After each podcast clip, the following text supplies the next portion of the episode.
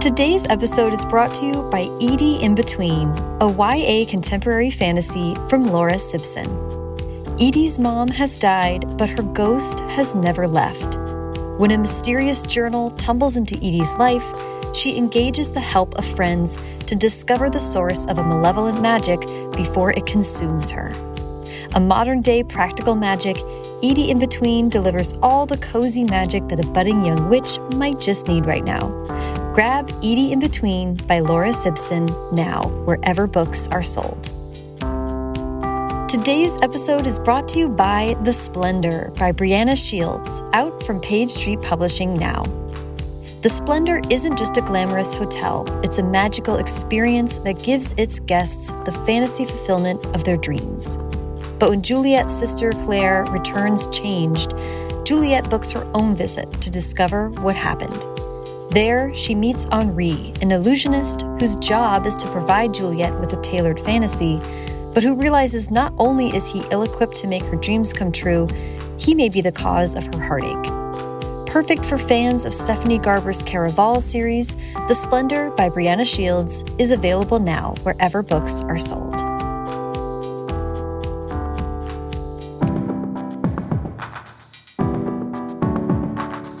Welcome to First Draft with me, Sarah Enni.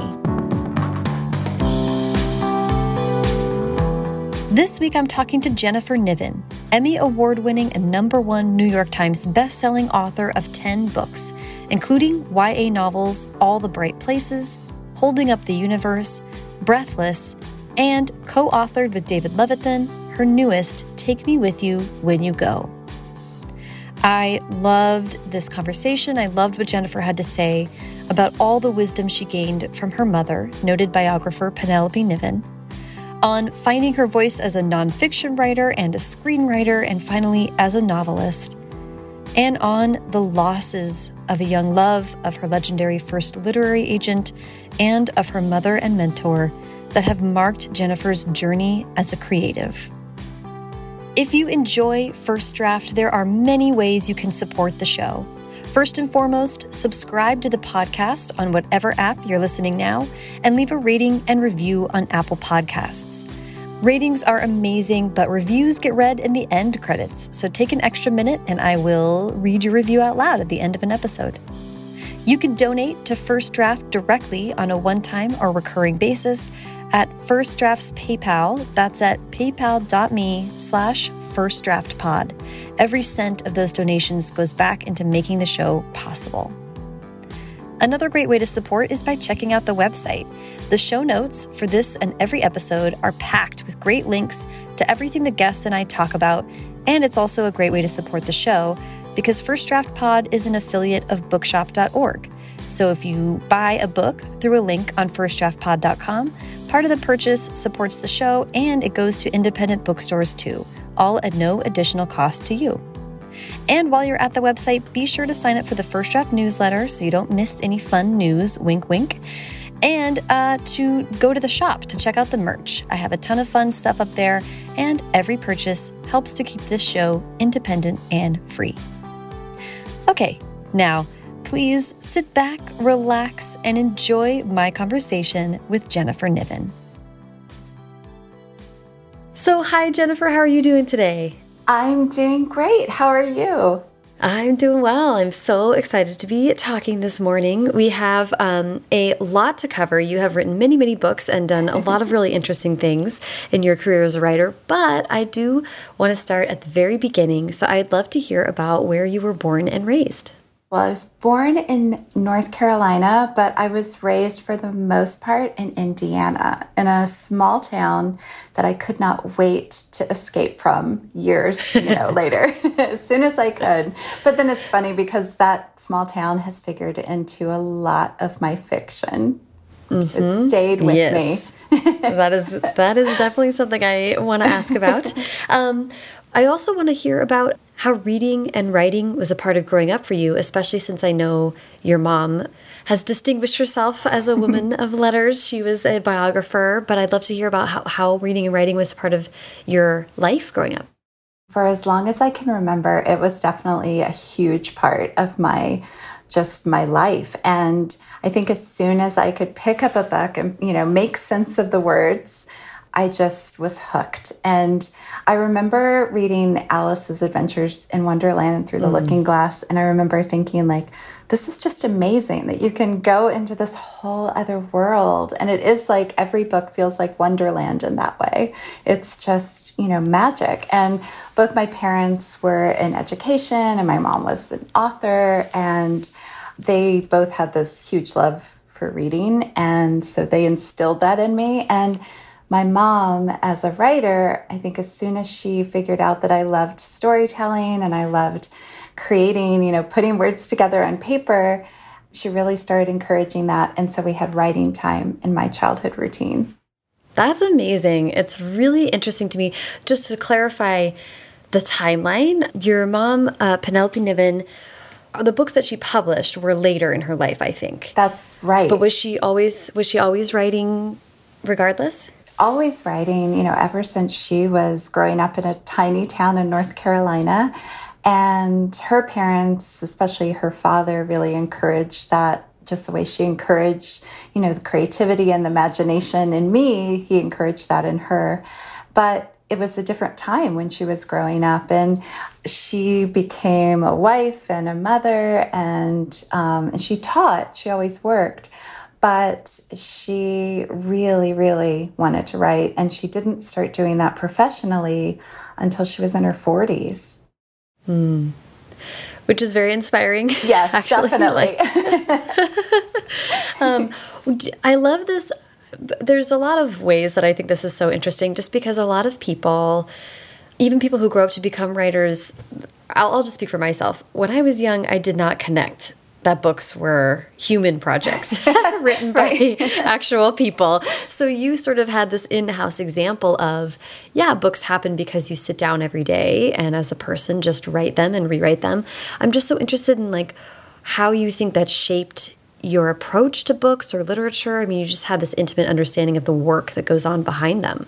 I think, you know, for a long time, even though I knew I loved writing more than anything else, I also was terrified of doing it as a career because I could see just how demanding it could be and how unpredictable. And so I was lucky to be, you know, privy to a lot of what my mom was doing. We would travel with her for research trips.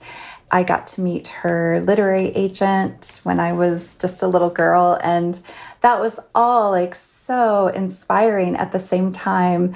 I remember when I was going to college, I thought, well, I just, I want to be basically anything but a writer because it looks so hard. And I know how exhausting, you know, it can be for my mom, but, you know, I can't not write. So I very quickly learned that I had to go back to it. Oh, so interesting. Okay, I do want to just ask about the the sessions, the your writing time you had when you were younger. What kinds of things were you writing or were you how were you expressing yourself as a kid? Oh my gosh, I loved for some reason my parents could never figure out. I loved writing prison mysteries. oh my god, that's so specific. I love so that. specific, and I don't know where that love came from, Sarah. But like, I was fascinated. I still am by like, you know, historical stories, really like old stories from old prisons. I I was always mm -hmm. really fascinated. I think that one of the things I always loved was mysteries and also stories like Judy Blume's. Like I, I remember reading Judy Blume for the first time and thinking, oh my God, I can actually see myself on the page. And that was just such a revelation. My mom always encouraged me to write from the heart. And, you know, if I had something I was going through that I couldn't quite process, to get it out on paper. So, one of the first books I wrote was when I was in fourth grade. We moved from Maryland to Indiana against my will, as I always said. And I wrote a book called My Life in Indiana or I Will Never Be Happy Again. And gave it to my parents very pointedly. And, um, and that's, you know, that was really when I learned also that I didn't just have to write prison mysteries, I could also write real stories about things that I was going through. Mm -hmm. I love graduating from Prison Mysteries in fourth grade. yes. uh, okay, everything about that delights me. That is hilarious. Um, but I, I just love that you, it was so clear and respected that like your mm. writing was a way to be taken seriously and to express yourself. That's really a gift to have at such a young age. Absolutely, and I feel incredibly grateful for it. I also, you know, I look back on it too, and I'm thinking it was so generous of my mother, and it was both my parents were very encouraging of me. But I think also as a very energetic only child, if she had any hope of getting any of her own writing done, she had to kind of figure that into our child my childhood routine. So, you know, she would write at her desk and I would write at mine. And I look back at it now and I'm thinking, good for her. She also got some writing time in that she needed. That's very clever, yes. yes. I love that. Um, I want to ask about becoming, uh, about your college years and what you decided to do professionally, because as you said, you kind of, you did run from the creative writing yes. necessarily, but you also, you, you stuck around in storytelling. I'd love to hear about just becoming a TV producer and how you decided to go down that path. I'd gone to college with uh, the idea that I would major in English and I would probably do some writing, and I did work for the college newspaper. But I also tried acting and I tried, you know, my hand at other things as well, but nothing stuck like the writing. So when I graduated from college, I actually applied to film school. I'd never written a film, but I had written a short, like a one woman play about Zelda Fitzgerald, of all people. And that was the thing that I got accepted on based on that. So I went to the American Film Institute to study screenwriting. My mom always told me, she said there are a lot of great MFA programs and there are a lot of great creative writing teachers out there, but there are a lot of them that also do harm. And she really believed that, she said, you know, if you're going to study writing and you finally decided to do that, she said, I would encourage you to take screenwriting because I think, you know, learning to write dialogue, learning to make every word count, these are things, you know, learning to write visually, these are all things that can benefit you if you write books one day. And so I actually went to AFI, American uh, Film Institute, got my master's in screenwriting, and I came out of there looking for like the next film idea and I had to sustain myself. So I worked first at House of Blues in Los Angeles, interviewing all the musicians who came in and writing up articles for their what they then called the new media department, which was online. And and then I worked. Um, I took a job at ABC.com as an associate producer for the website, which basically meant I hung out on TV sets and TV shows that I was assigned and then did all the content for their primetime websites. So it was not something I'd ever, you know, expected to do, but it was really fun and I think it taught me a lot about like writing quickly and writing on deadline and collaborating and all of things too that I had learned while I was in film school. That's incredible. Okay, so you just got, I think you're encompassing something like five or six years of your life, probably, but that is like not only a literal master's in screenwriting, which I couldn't agree more that learning dialogue and visual thinking is so huge, but also oh my gosh, getting to interview musicians and then getting to hang out on film yes. sets, to me, I'm just like, oh, you must have learned so much about how art is made. Just getting, I mean, obviously, I, talking to different artists, I'm like, oh, you, you learn so much by interviewing people and really getting into the behind the scenes about how their process works. That's so cool. It's fascinating, and it, and it is, whether it's a musician or a filmmaker, uh, it's just, it's all the creative process and it's all part of the same artistic process. And I, I just learned so much during that time. And I'd always loved LA. I'd gone on a trip when my, I think I was 13 or something, and uh, accompanied my mom on a research trip. And I knew the minute I saw it, I was like, I will come back here. And so there I was, far from my Indiana town, but loving every minute of it. Amazing. What, so I would love to hear about what kinds of stories you were writing screenplays about or what kinds of movies were you hoping to to go make i was you know it was interesting and this has always stuck with me because um, when I was in my film class, we had to, as screenwriters, we had to be responsible for turning in during our first year. It was like one full length screenplay, and we mm-hmm. all took turns in terms of who would be what screenplay we'd be working on and giving feedback on and critiquing. And I will never forget being in that room with my fellow screenwriters, all of whom had written these very personal, raw, angst filled stories, some of them very, you know, hard to put on paper. And I had written a, a, screenplay about a small Midwestern town that thought Disney was coming to build a theme park there. And they all got very excited. I mean, it would be perfect for like the Hallmark Channel now. But I was enamored by it, and I was already starting to think about, you know, my hometown and all the you know, mm-hmm. impact it had on me creatively. But I remember one of my fellow screenwriters said, I worry that you aren't able to put yourself on paper the way you need to in order to make us feel what you want us to feel. And I was like so devastated by that comment. But I also, one reason it was devastating is because I believed it was probably true.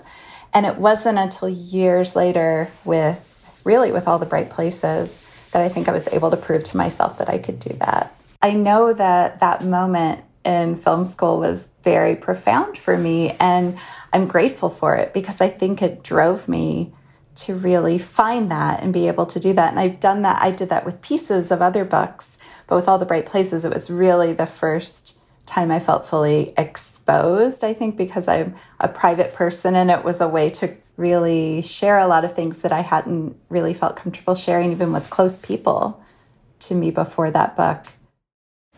Yeah, that's okay. So I want to track a little bit of of getting to all the bright places because you did a lot in between. um, so one quick thing I want to stop and and just ask about is um, I love that your mom had such great advice about studying writing and, and such wise words about some writing programs being uh, better for creative soul than others.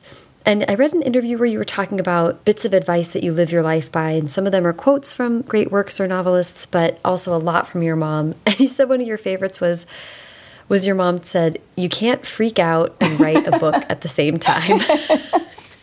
yes. I'd love I'd love to just hear about like that felt so like practical and real. oh my gosh, the advice that she, and it's so great because it also pertains to life, right? So it's you can put that toward anything. You can't move houses and freak out at the same time. I mean, so it's she always had this this great like way of giving me the wisdom I needed to hear, but also making me laugh at the same time. So she was very deep and wise, but also had this great intuition about what I needed because it there always comes a point, I think, with any project where you just feel like, I don't know what I'm doing. I absolutely have no idea.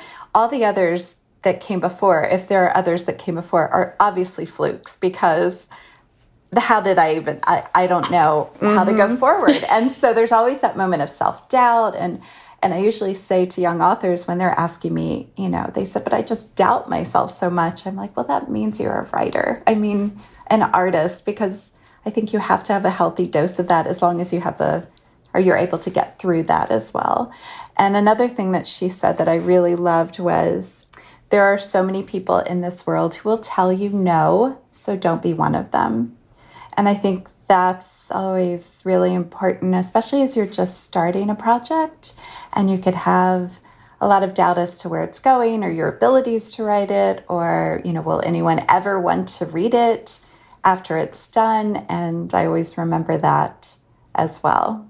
There's so many, so many wonderful sayings that she had. yes, I think that one really stuck or stuck out to me because um, I just, I just finished a revision and it was like total just torture for weeks and weeks and weeks God. until it got to the point where it was like you can't there is no time to freak mm -mm. out. So it just was like wake up, do the work, right. eat, right. maybe, and then like sleep and do it again.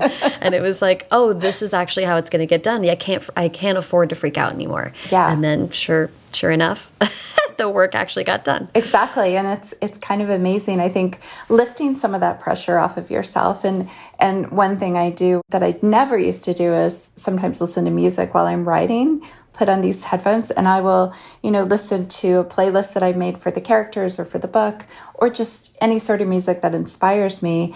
And I never used to be able to do that because the words distracted me. But now I find if I do that, it can block out a lot of that extra noise. And sometimes I can it can cut right to the heart of the whatever I need to be writing. Yes, I think that's so that's definitely what I use music for for sure. So um I love that. Okay, I'd love to hear about the genesis of your first book.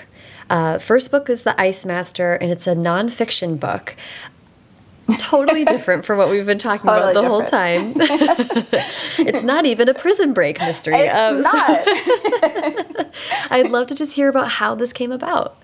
I was actually, I think I was working at ABC. I'd been out of film school for about four years and I was, you know, still trying to decide what it is I wanted to write. And I was trying to record documentaries that sounded interesting or read articles that sounded interesting and see if I got any ideas from real life. And I had recorded this documentary about a deadly Arctic expedition from 1913.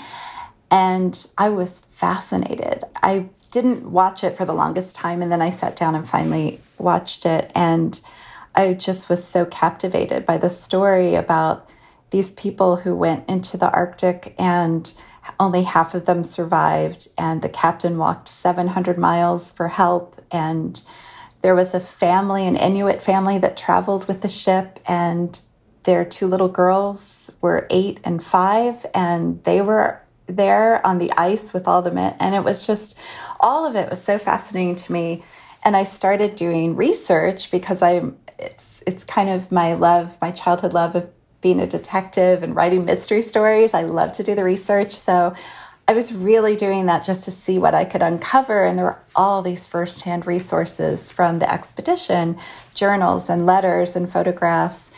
And I thought, God, this would make such a great film.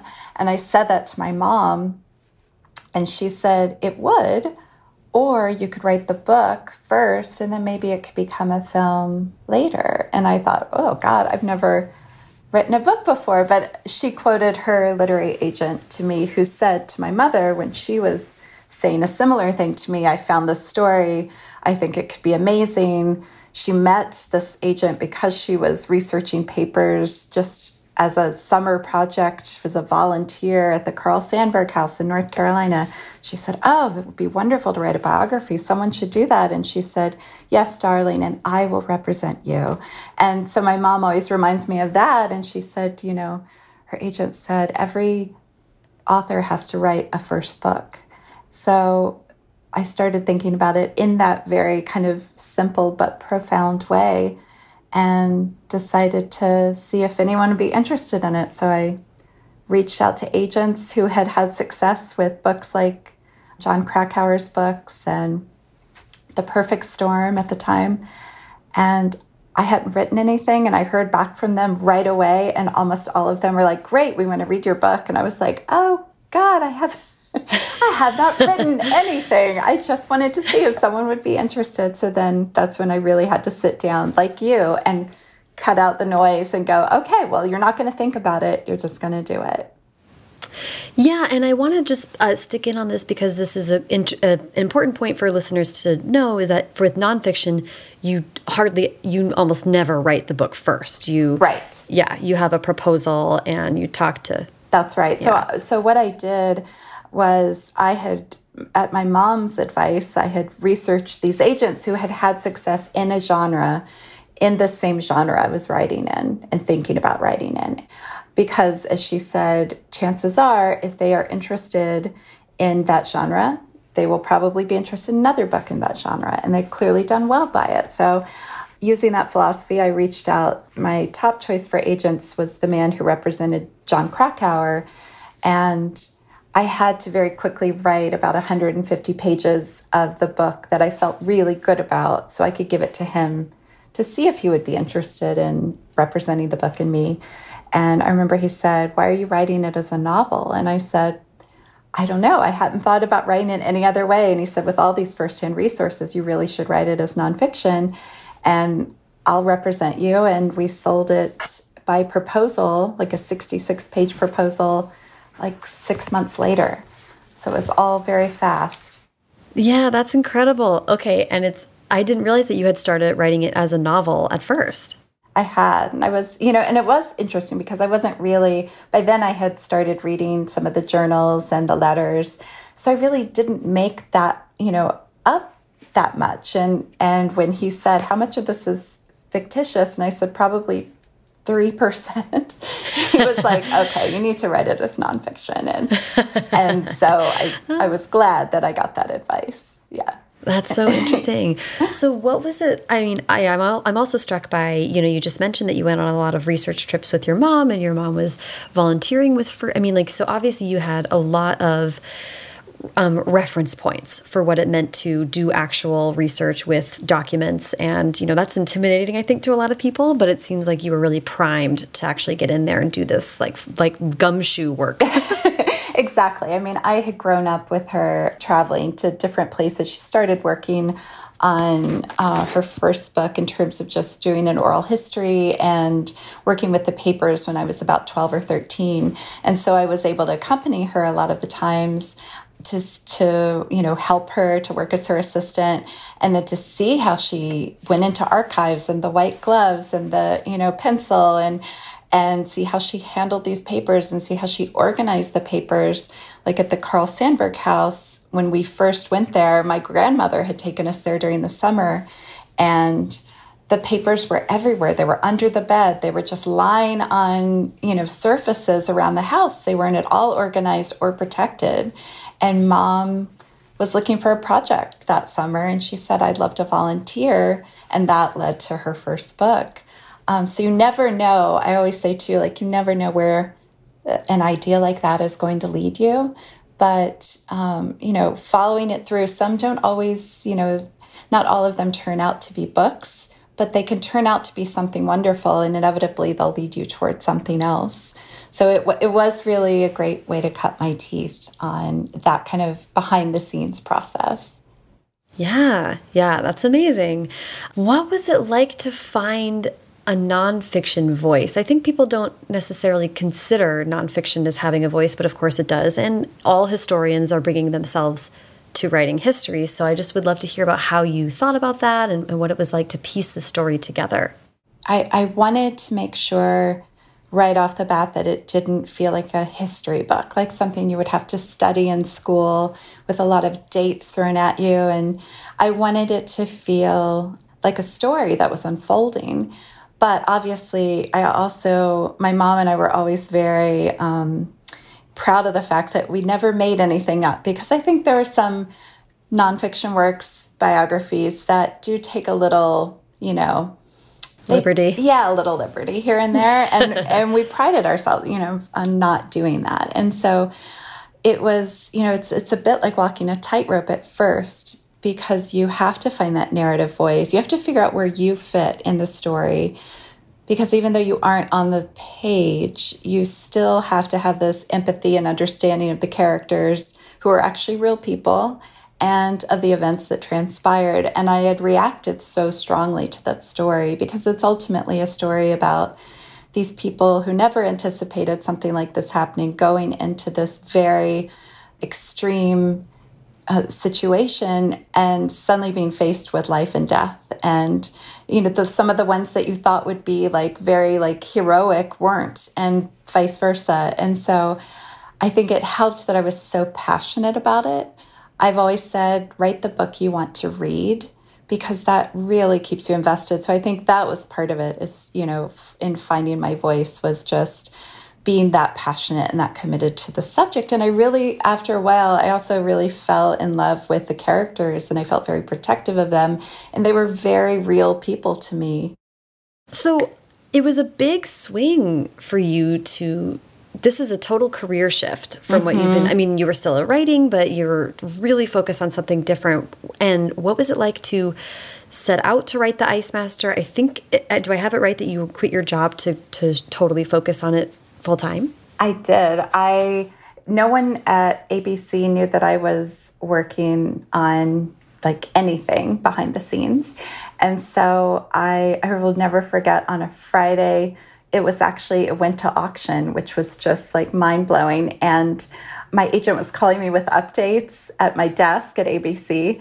And that Monday, I went in and handed in my two weeks notice. And I remember my boss going, "Oh my god, uh, why why are you leaving?" And I said, "Well, because I sold a book." So,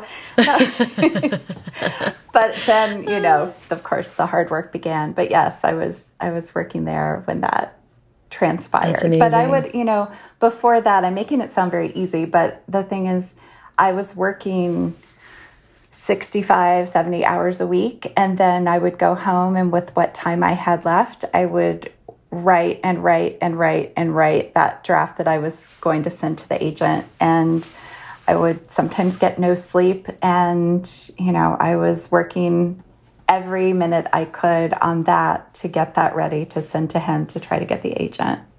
Mm-hmm. Mm-hmm. And what was it like to um, the Ice Master was was really well received. I think it was like critically lauded. And now you're in this new career, new like phase of life. What were you thinking at that time? Were you like, "Oh, I'm going to write this is it. I'll write nonfiction for the for the rest of my days." I mean, where was your head at at that time?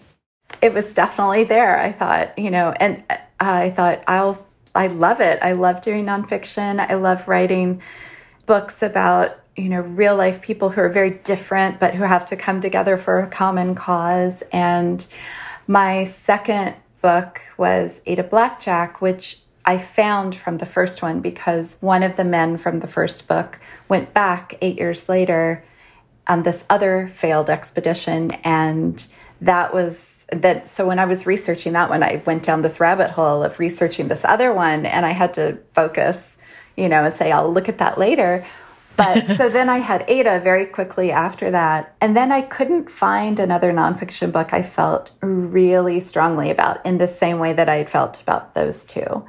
And I remember saying to Will, my editor, I think I want to try fiction because there's this idea that I had there um, when I was in film school. My short thesis film was based on a short story of my mother's. It was called Velva Jean Learns to Drive. I've always wanted to develop it into something longer than, you know, a short film and maybe make it into a novel. And he was he was like, I think that's great, but I'd like us to find the next nonfiction book. And I really, really tried, but nothing it, the, the story just didn't present itself the way that I needed it to in order to be really, you know, I, there was no story I really wanted to read the way I wanted to mm. read the mm. first 2 mm-hmm.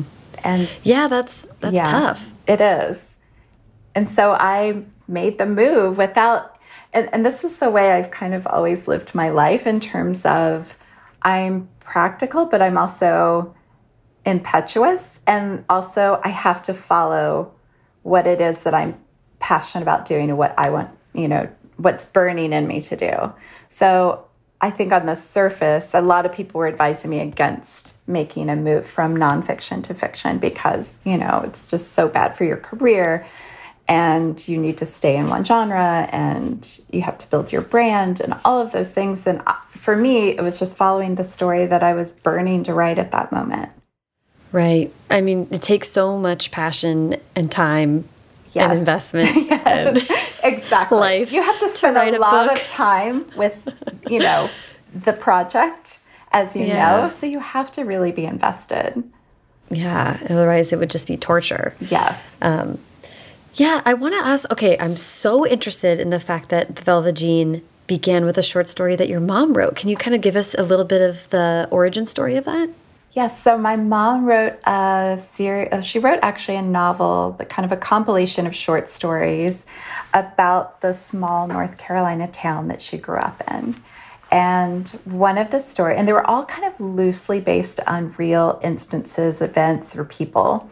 And there was a man in her town who had a metal plate in his head that had been put there after, I guess, World War II, because he had to go to the hospital repeatedly to kind of just, you know, checkups.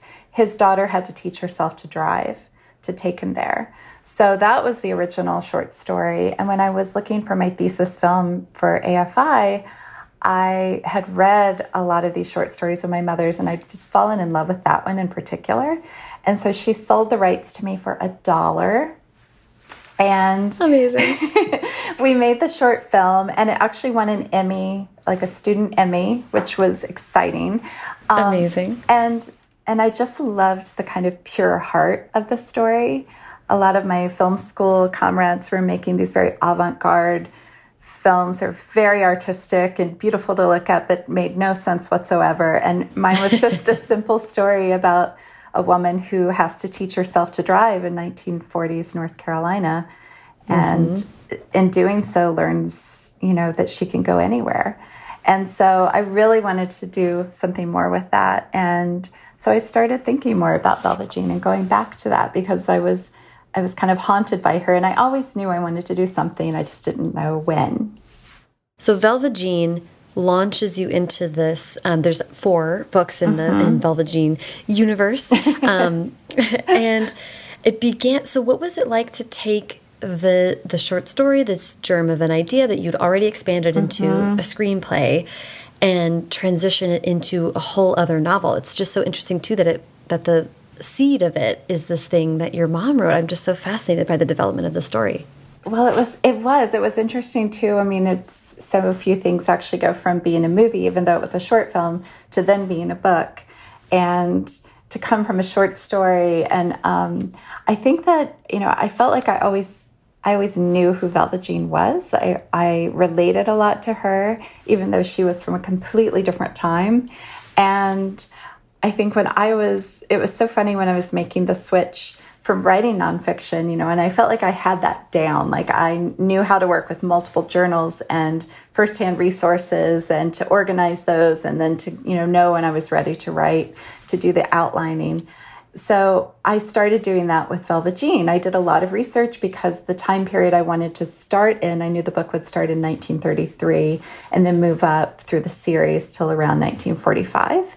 And so I did a lot of research into the time and I was organizing and I was doing all the things I did for the nonfiction. And my mom and I were talking on the phone and she said, So, how's it going with the novel? And I said, Oh, it's great. I said, I've got it outlined. I know exactly what I'm doing. And she was like, Mm. Mm-hmm. And then, and then about a week later, we were talking about it again, and she said, "So how's it going?" And I said, "It's awful. It's awful. I've had to throw away the outline. I have no idea what the characters are doing. Everyone's going off in their own direction. They're doing whatever they want to, and I, I just don't know what I'm doing." And she said, "Welcome to fiction." And I, I think it was then that I realized it's a totally different animal it really mm. is. And I mm-hmm. just when, you know, I think I crack like writing a novel, the next one comes along and it teaches me that I don't know anything about writing a novel and that it wants to be written in a completely different way from the one that came before. Mm-hmm. Yeah. Oh my gosh. I mean, I do, I love that you kind of gave yourself like, it's like a like baby steps into full you know your world fiction right because you do um, you're writing historical fiction. Velvet Jean is all historical fiction, so you do get right like the guardrails of research. Yes, yes, exactly. that you can fall back on. Um, but I'd love to hear about what it was like to be in a series. I mean, four books is is no joke. That's many years of your life. Mm -hmm. um, and kind of returning to these historical time periods and finding new ways to engage. I mean, by the end, I, spoilers, but it's like the title of the fourth book. But like Velva Jean is a war hero, and she's then becomes a movie star. It's like you do you got to do a lot mm -hmm. through the lens of one character over time. Yes, exactly. And it, I think you know after I finished writing the series, as much as I loved writing her voice. I just was like, I'm never writing another series because after the first one comes out, then you have to write the second one. You're still promoting the first one, but now you're writing the second one. When the third one comes out, you're editing the second one, still promoting the first one, and now you're writing the third one. And then you're researching the fourth one. And so it was just, it was like writing four books at once almost throughout the whole thing. And that was, it was exhausting. And also, you know, I've come from, just practically speaking, I come from nonfiction. I come from two books that had like got a lot of attention and did really well. And nonfiction just typically you know, was paying more than fiction, I it was kind of like starting over. And then I, I mean, I remember going to like huge events for the Ice Master and Ada, and then I remember the like for the second Velva Jean sitting at this little table at Barnes and Noble where everyone kept coming up and asking me where the bathroom was, and you know, right, and and just feeling like so humbled and mm. and I remember my mom saying, you know, every book has a different life and a different you know experience and I, I never would have changed it though i mean i as tiring as writing a series could be as challenging as it could be as you know different the experience from the first two in the nonfiction it just it, it I needed to write it from my heart. And mm-hmm. I loved the character. I loved the other characters and I loved writing the stories. I want to talk about about shifting from nonfiction and then historical fiction to young adult and as you say like sort of coming to the place where you felt like you could be you know maybe your most vulnerable self in this um, in all the right, right places but a part of that that i think is uh, probably a huge part of it that i you don't have to talk about this if you don't want to but i know your literary agent passed away around mm -hmm. this mm-hmm. time i'd love i mean that is i'm so sorry that's oh, so awful thank you that's a really hard thing to go through when your mentor and, and someone who's caretaking for your careers is not there anymore. And of course, a friend. Mm -hmm. um, I'd love to hear you speak to that. And I also, in, in, a more practical perspective on this question, what did that mean for you? That mm. puts you in a place of having to really make decisions about your career. That was one of the most, I think, profound times of my life. And it all happened so quickly. John Ware was my original agent, and he was this like legend. He was so old school. He would like only write on typewriter. He like begrudgingly had a computer, but he didn't. he didn't have an assistant. He didn't have a team. He was it. Wow. He was the agency, and he was very well respected. And he was kind of curmudgeonly, but like you know affectionately so. And he was he always had my back. And he was just such a wonderful cheerleader. And he always believed too in the fact that I should write what I was burning to write not what you know price tags told me to write or what mm. you know money told mm -hmm. me to write or the industry told me to write. And so he died like very suddenly and unexpectedly. And when he did the agency went away. And like we started reaching out to each other his clients and I just to to see if anyone knew anything. And then discovered that he had caught pneumonia and he'd had leukemia that he should have recovered from and the pneumonia just he was gone. And and so i remember it was the summer of 2013 i had just finished the last draft or was just finishing the last draft of american blonde which is the last in the velva jean series and I was so burned out. I was like anxious to have some time off and just like not think about writing. And then John died.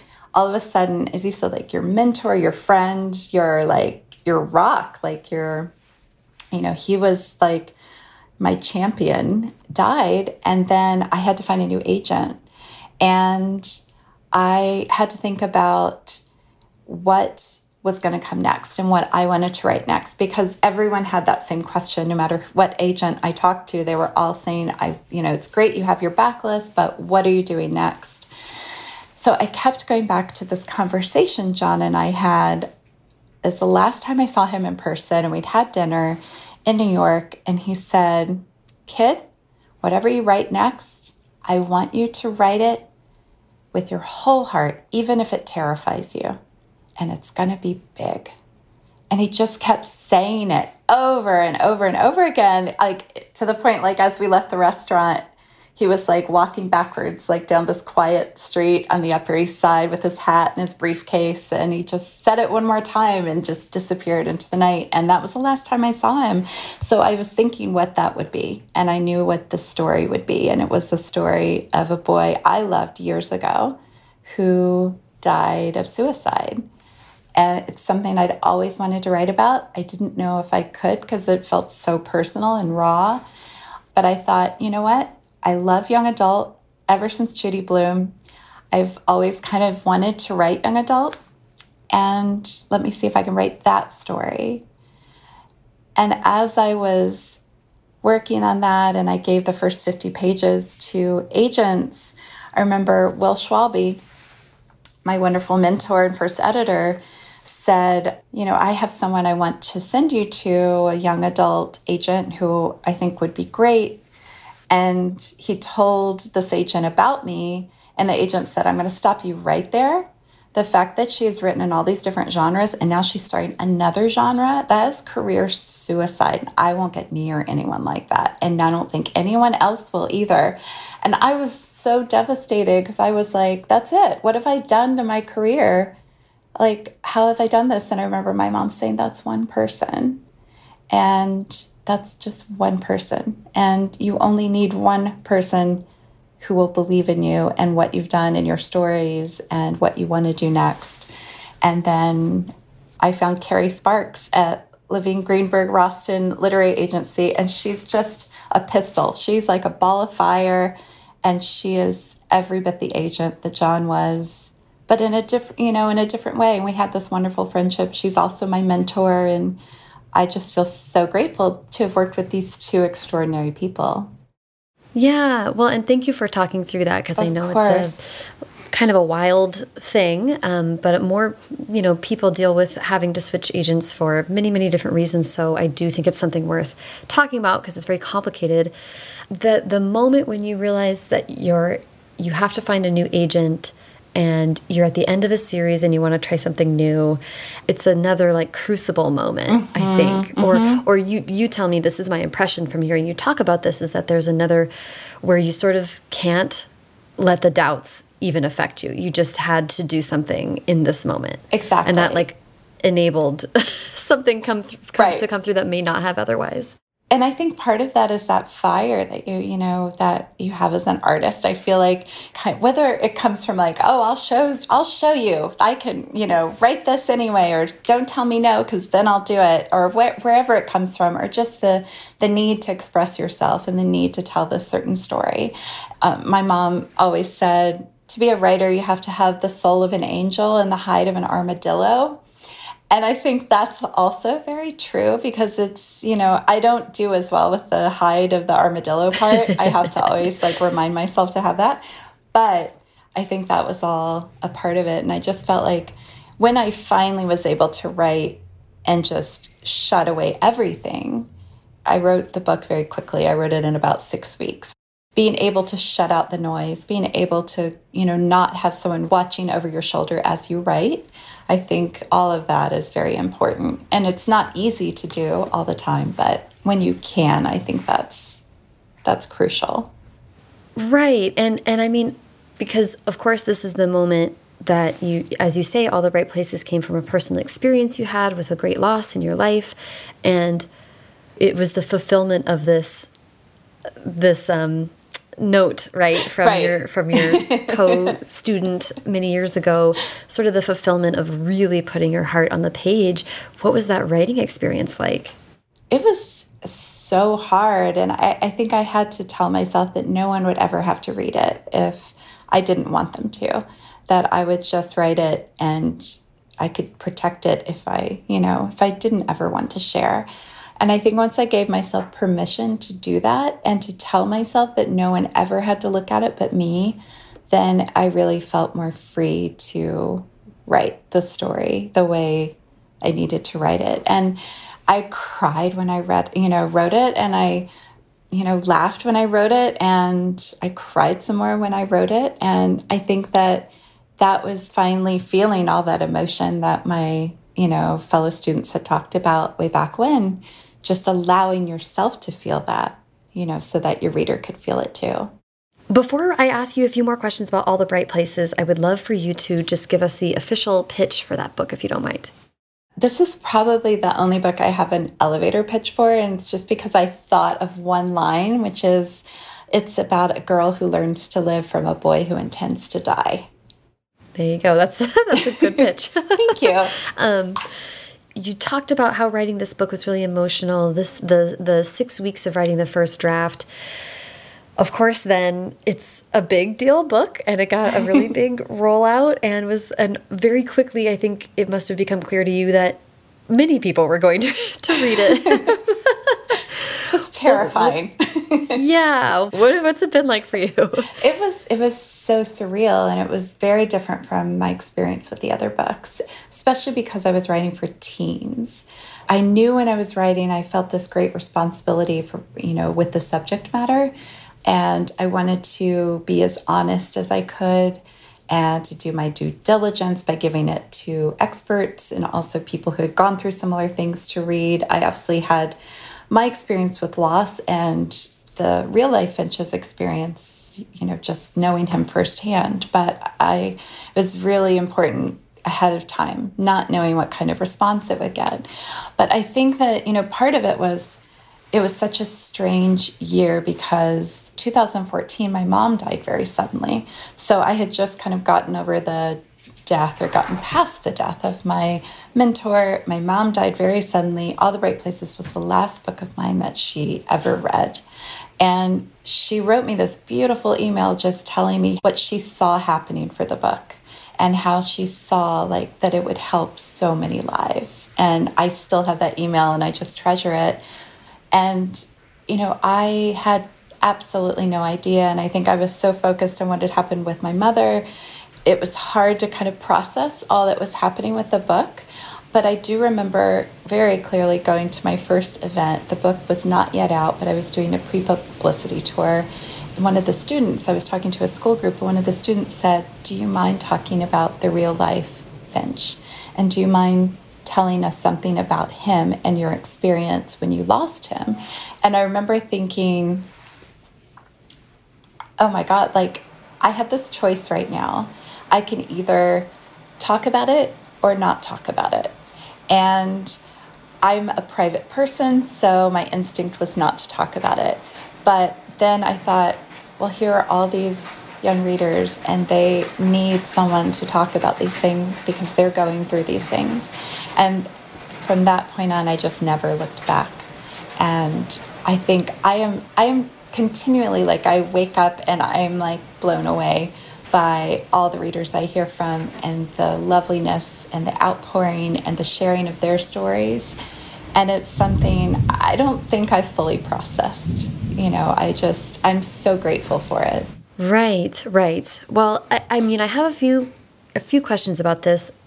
I, I really appreciate you speaking to that moment because the, another thing I talk to many writers about when they write books like this that are not only very personal but also definitely talking about sensitive subjects that, of course, since we're writing for teenagers, we want to be even more thoughtful about. Um, uh, many people who write books that are that are about difficult topics and are also very personal gets overwhelmed by the response because you've done this emotional outpouring and then people want to respond with their feelings but that is a lot for one person to take on especially when you have like millions of readers you then you get a lot of a lot of feedback. Mm -hmm. and that can can really take a toll. So I mean you choosing to be open about it is such a wonderful thing but I'd love to hear about how you've protected yourself or where how you've determined where to draw the lines or just from someone from the perspective of maybe other people who are writing about sensitive things like what would you how could you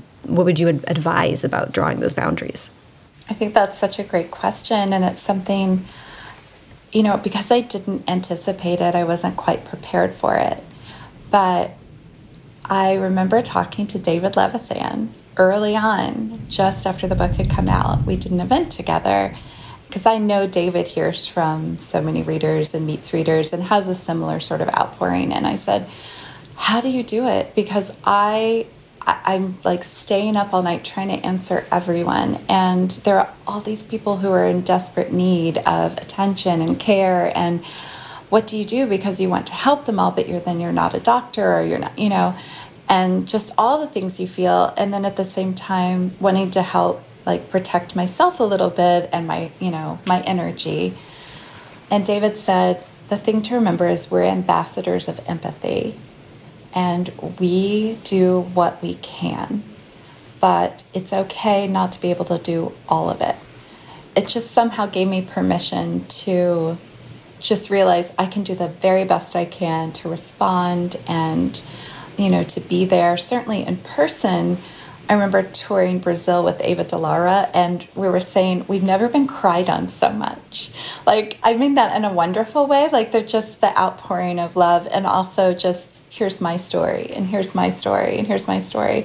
But it feels, it, you know, you do have to protect yourself and your energy. You do have to put the oxygen mask on 1st mm -hmm, um, mm -hmm. in order to be able to be there for your readers, for your writing.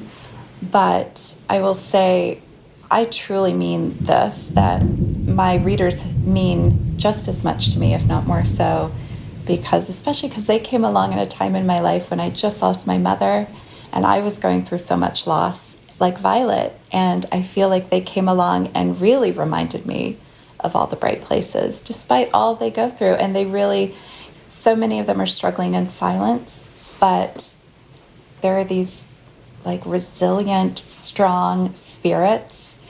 And I've had so many say, You've saved my life, the book saved my life. And I try to remind them that actually you saved your life. Like, mm, if mm -hmm. I've helped in any way, that's amazing but you've saved your life. And I think it's, you know, it's, I still struggle with it. I still want to talk to every single person and answer every single person. I think just allowing yourself to give yourself permission to just say, I'm going to do my best.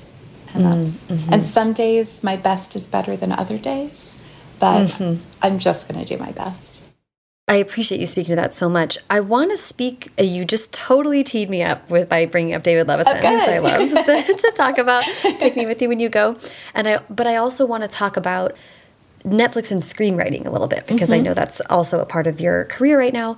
I want to sort of bridge the gap a little bit by asking about the adaptation for All the Bright Places because I know that um, I've read a few interviews with you and the director and the screenwriter where you talked about our discussions of mental health and suicide, especially, adjust and change over time, and we're all learning all the time about how to speak to things. So I know that when the Netflix adaptation was coming about, you sort of were able to revisit it, and, and I'm just curious about what that was like for you and what what it's been like to see this book be kind of a living document through its renewal at, on Netflix. And, and because you're just in that realm of, of talking about sensitive things as well with a new book with David.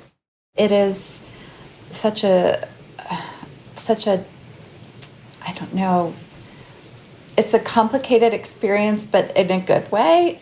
Seeing it take on this life that is separate from the book in a lot of ways. And what, you know, we tried to do was capture the heart of the book, the heart of Finch and Violet. And, you know, but you have so much less real estate on film than you do in the book. But I think the thing that I love most about having it on Netflix is that it reaches a whole, you know, it reaches all these new readers who are or viewers. They may never read the book, but they've gotten something from the movie, and that's wonderful.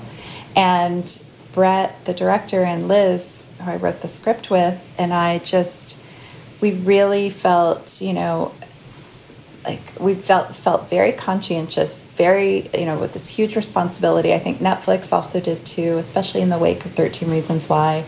They were feeling a lot of you know responsibility about doing our best. And again, it comes down to doing our best with it to to do the best by the viewer, just as hopefully we have by the reader, and to not make it feel like it's romanticized or exploitative or anything like that but to feel like an honest, true story, which it is. And I think that, you know, for me, as I said, the best thing about it is, you know, first of all, it's very surreal seeing it because it's, I've seen it multiple times, but just seeing it is jarring. You're like, oh, wait a second. um, but it's, it's kind of like, I remember when, and I'm kind of all over the place in this answer, but when the film first came out, I think right before it came out, Brett was a little nervous about it because of the subject matter and the weight of it.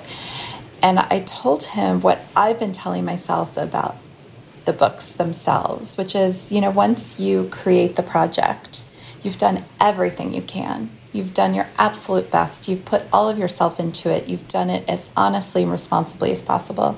Then you put it out and it belongs to the consumer. So it belongs to the reader, it belongs to the viewer, and everyone's going to have a different opinion about it.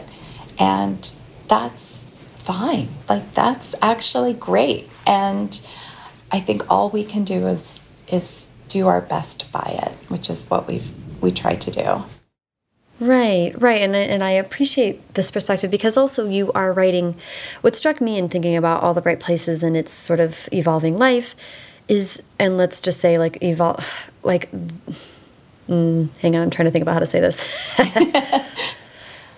There's a lot of um, expectations that some people put on YA books to present things ideally. Mm-hmm. And what you are actually presenting in all the bright places is, of course, a fictional fictionalized story, but it's also your story. It's about mm-hmm. a an experience that you have had firsthand. So we come up against the fact that life is problematic and right. that things are not always perfect. Um, I don't know. I, I don't really have a great question related to that, but that's what I thought of in this was like you got to stay true to things that happen in real life while also being as you say responsible to the audience and thoughtful about what the experience of the viewer is going to be. And I just, I don't know, I just appreciate that because it is important to have complicated stories out there also, you know? It is. And I think, I think readers, viewers, I think they appreciate it too. I think one of the things I've heard most about from readers about all the bright places is just, you know, because of you know, what happens with Finch because of the fact that he didn't really talk about what he was going through or reach out for help. They now realize they need to do that because they don't want, you know, X, Y, and Z to happen. They don't want to have this sort of ending. They want to, you know, live. And so I, I think that, and that's like one of the best things I've heard from from them. Um, and also from viewers just i don't i don't want to be like that. So i am now getting help. Mm, and mm -hmm. and that is you know that's amazing. Yeah that's huge. Um, well i appreciate you speaking to that. And i do want to talk about yeah, I want to talk about take me with you when you go. See, I, prom I promised you this is going to be a long one. We're like finally getting to it, but I um, love it. so you mentioned reaching out to David Levithan and being in conversation with him as a fellow author and someone who's gone, who's also written about um, a lot of different things that are that are sensitive and that are beautiful and, and very vulnerable. I'd love to hear about how co-writing a book came about with David. Well, I it's funny because I am rarely on Twitter and David is almost never on Twitter. And I was on Twitter answering questions and this is a few years ago now.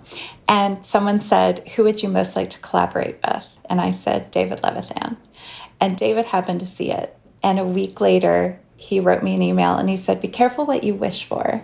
And he sent me a first chapter of the book that would become Take Me With You When You Go. He said, I don't know if you'd be interested, but if you would, there are three rules. One, we don't tell anyone we're doing this. Two, we don't like don't think just write and three we don't ever discuss what's going to happen in the book so we completely adhered to those rules and it was you know i sent him a chapter back and it's written in email form and his he wrote ezra i wrote Bee his sister and um, because we wrote it in email form they weren't ever really in the same place so we could do the back and forth without discussing it. But I will say it was really fun to challenge David and vice versa. like it was so fun to be like, hmm, what can I do that's going to completely, you know, surprise him? and then he would right. do the same thing. And it was, that's, we wrote it, you know, never ever knowing what the other was going to do or what the other's character was going to do. And I've that is so interesting. never written like that. yeah, let's. Um, so let's just pause and and um, get a pitch for the book really quick, and then I'll ask a bunch more questions about it, please. Take Me With You When You Go is told in alternating perspectives between Ezra and Bee. They are brother and sister. Ezra wakes up one morning to discover that Bee is gone. She's left two months before her graduation from high school, leaving him with his not so great, pretty abusive stepfather and mother. And the only thing she left behind was an email address. Ah, it's such a like ah opening. And and that basically what you just described was the first chapter that arrived yes, exactly. i was like ooh this says this is going to be fun. Yeah so i would love to hear about what it was like to develop as as the story went. How did you even get your mind around this first response to david? What were you how were you kind of approaching it I think it was, you know, first of all, I was terrified because I thought, oh my God, like David is one of the, you know, authors I admire most. I love his work. I've always read it. And so suddenly to be, you know, told not, don't think about it and don't, you know, usually I do a lot of prep work for characters. You know, I know the general story that's, you know, I'm going to tell. And I couldn't do any of that. So I just literally said, okay, I'll let me, let me see. So I sat down and I just wrote something back and it was, it went a little slowly because we both had other projects, you know, obviously over the past couple years. So, you know, it sometimes we would go months without writing to each other. And then all of a sudden, like a chapter would appear in my inbox and, um, it was you know it was it was really fun and I, I, think one of the highest compliments i got david said i threw him for one of the biggest creative loops of his entire career. And he wasn't sure at the time if it was good or bad but then he decided it was good. Oh i love that. That's so interesting and I love the idea that, you know, uh, and David has co written a few other books as well. And, and it seems like this is his process, um, which is funny, but it's also an interesting way to just be in conversation with another yeah. writer. Um, and I, as you say, to throw loops and challenge and to kind of like have mm -hmm. a sense of mm-hmm. play about a project even as it's developing, which is such a fun. That sounds great. it's such a great way to do it. And but I will tell you, like there are times when B, like Ezra, his character was really mad at B, my character, and I would get these angry emails, you know, chapters in email form, and it's. I was like like why is he so mad at me i mean because you you start because it's in the form it is and because you're not really talking about it it it becomes very personal which is a good thing you know it's i think ultimately a good thing yeah that's so interesting. So given this really unique kind of way of how the book came together and you sort of weren't looking behind or ahead you're just like in the moment um, what was the editing process like? Or how did that how did it move into the next phase of published life we got our well we went over each other's work as well as our own and then we never really edited each other but we would make suggestions and you know or have queries or things like that. And then random house of course um, they were also you know doing kind of a similar thing as they went through. They would uh, and then david and i would divvy it up. So one of us would take first pass at the edits and then uh, the next one would come, you know, and then I would send it to David or he would send it to me. And if there were a lot of things in his section or in my section, we would leave that for the other one. So I didn't feel, I still felt like Ezra was really his and B was really mine. So I didn't feel like I could really edit that, nor did I really want to. But it was it was definitely a conversation and a give and take of like, oh, what about this here? What do you think about, you know, would Ezra maybe do this instead? Or, you know. Yeah. Yeah, yeah. that's so interesting. um, what a, I mean, it also seems like a gift. Like, it doesn't sound like there was really like a hard deadline on this, mm -mm. or there was not like a lot of pressure involved in it. So it's really wonderful to have this sort of like side thing develop over time and now yes. become a real book in the world. It's kind of like, oh my gosh, it's real. How did that happen? It was funny it, when we sold it to Random House. They they asked you know, they, I think they had seen the first hundred or so pages. And then they asked what the rest of it, they said, if you could just send us an outline of what the rest of it is. And David was like, nope, that's not how we're writing it. So they had to be very understanding and patient about that. Funny. ah, I love that. They're like, oh, David, yeah, add it again. exactly. um, I love that. I'm so excited. I, I want to talk about the other things that, as you say, you were working on other YA novels. So after All the Bright Places, you also released Holding Up the Universe and Breathless, which are two other standalone YA contemps. And I think, if I have it right, that you are adapting Holding Up the Universe I right am. now. Is that correct? That's right. Yes. Yes. I would love to hear about that. This is like such a wonderful, like a closing a loop, bringing green screenplay back into the mix. So what, what was it that made you decide to jump in and take hold of this adaptation all by yourself? It was so lovely because um, because of all the bright places, my work on that. Then when Holding Up the Universe was optioned, they asked if I wanted to write that one as well, and I I thought about it and I said, okay, that, that sure. And I mean, I love writing screenplays. Um, novels are kind of my heart home, but um, or books are my heart home. But I do enjoy the dialogue, and I enjoy writing something that is in a different format. And also, I will say it's really fun to get to revisit Jack and Libby, but in this other way. And also, you know, I get to create new scenes for them. And that's really fun. So it's like, it's almost like writing a sequel in a way because you're writing the same characters. A lot of the story is there, but you're also getting to create this whole new life for them. And so that was, that was really exciting. And at first we were going to do it as a television show, but then we decided, and, and the producers were amazing. They were like, we basically leave it up to you, what you, how you see it. And um, I said, I think I see it more as a film. Mm. So that's. Did you say that after you'd given the pilot a shot? Or no, I actually said it before. Okay. I was surprisingly, I actually said it before I started writing, but I thought, you know, it's like I actually love television and I've developed a couple of things here and there, but I really love writing like a film, and I think that's what it needed to be. You have so many like arrows in your quiver, shall we say? I love that. Um, yes. Um, do you think that writing original things for the screen is a part of what you see for yourself in the future, or do you think sticking with original with with books as the original output is? I mean, how do you think about it?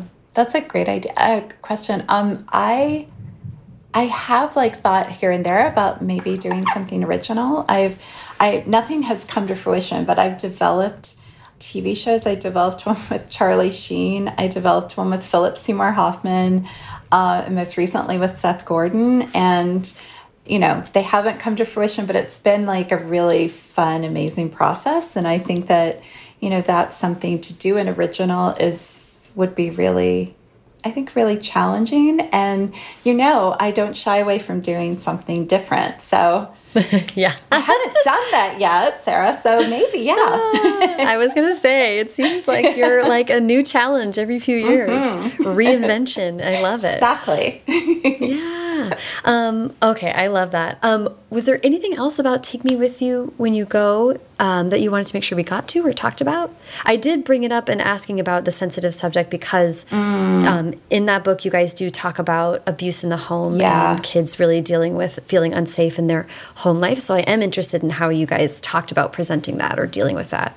You know, it's it's with that when we were actually writing it, that was, you know, again, we didn't talk about it, but that was the way the story kind of unfolded. And it was interesting because I think that we both knew our characters well enough and kind of knew their home life. We could envision their home life without having talked about it, without having to really plotted it out or um, planned it. But it is an arena that David and I are comfortable in in terms of writing sensitive subjects. Not that those subjects are ever comfortable, but I think getting to write that to something like that with David, I feel very honored because I do think he's a wonderful ambassador of empathy, to use his own words about what we do. And certainly after the book was finished, we went back over to try to be as sensitive as possible. And we had some readers, you know, go through it who had firsthand experience. We had some experts go through it so that, again, we could try to do our due diligence to make sure when you are handling a sensitive topic like abuse, which is in the book, that it's handled as, you know, responsibly as possible. Mm-hmm, mm-hmm. Is there anything else about any of the other projects or anything you have going on right now that you'd like to talk about? Um, I am starting work on my next solo YA, so I'm just starting to work on that, and I'm very excited to be because the characters. It's at that point, Sarah, and I know you know this when like all of a sudden the characters come to life and they start you start getting that momentum and that you're like oh gosh and you can just you know and you want to sit down and write so that's always oh, good that's so amazing. so I'm at that stage, which is good. oh, the most wonderful stage. Oh, yes, yes, absolutely. Uh, yes. Oh, this has been so fun. I like to wrap up with advice. So, you know, we were just talking about not being shy about re reinventing yourself professionally. Mm -hmm. I would just love to hear if you have um, advice for somebody who is sort of thinking about taking a big swing and facing that kind of scary choice. What would you um, advise them? Well, I would start with what my mom said about, you know, there are enough people in this world who will tell you no, so don't be one of them. Don't limit yourself or what you can do believe in yourself. Try not to do whatever it is you're about to do with someone looking over your shoulder and judging you. Just try to shut that out. My mom used to say, just put it in the imaginary bus locker and lock it away. And try to do that as much as you can. And remember to just know that what you have to say in this world, whether it's on paper, on the screen, in music, however you say it, it's so important because you are the only you there is. So you are the only one who has that particular voice. And we need to hear from you. And I would just say, you can do it. Just believe in Yay. it. Mm -hmm. awesome. I love that. Well, this has been so fun, Jennifer. Thank you for giving Thank me you. so much of your time oh this morning. Oh my gosh, Sarah, I just can't tell you how much I appreciate all your preparation, all your thoughtful, oh. thoughtful, thoughtful questions. It's just, Thanks. it was really, it's been a joy. Oh, thank you. thank you so much to Jennifer. Follow her on Twitter and Instagram at Jennifer Niven. And follow me on both at Sarah Enni and the show at First Draft Pod. First Draft is produced by me, Sarah Enni. Today's episode was produced and sound designed by Callie Wright. The theme music is by Dan Bailey, and the logo was designed by Colin Keith. Thanks to social media director Jennifer Nkosi and transcriptionist at large Julie Anderson. And as ever, thanks to you, proverbial bus lockers, for listening. Um, by the way, I love that. I would totally watch or read or or like tune in to like thirsty biography. I, oh my god, so seriously, me too.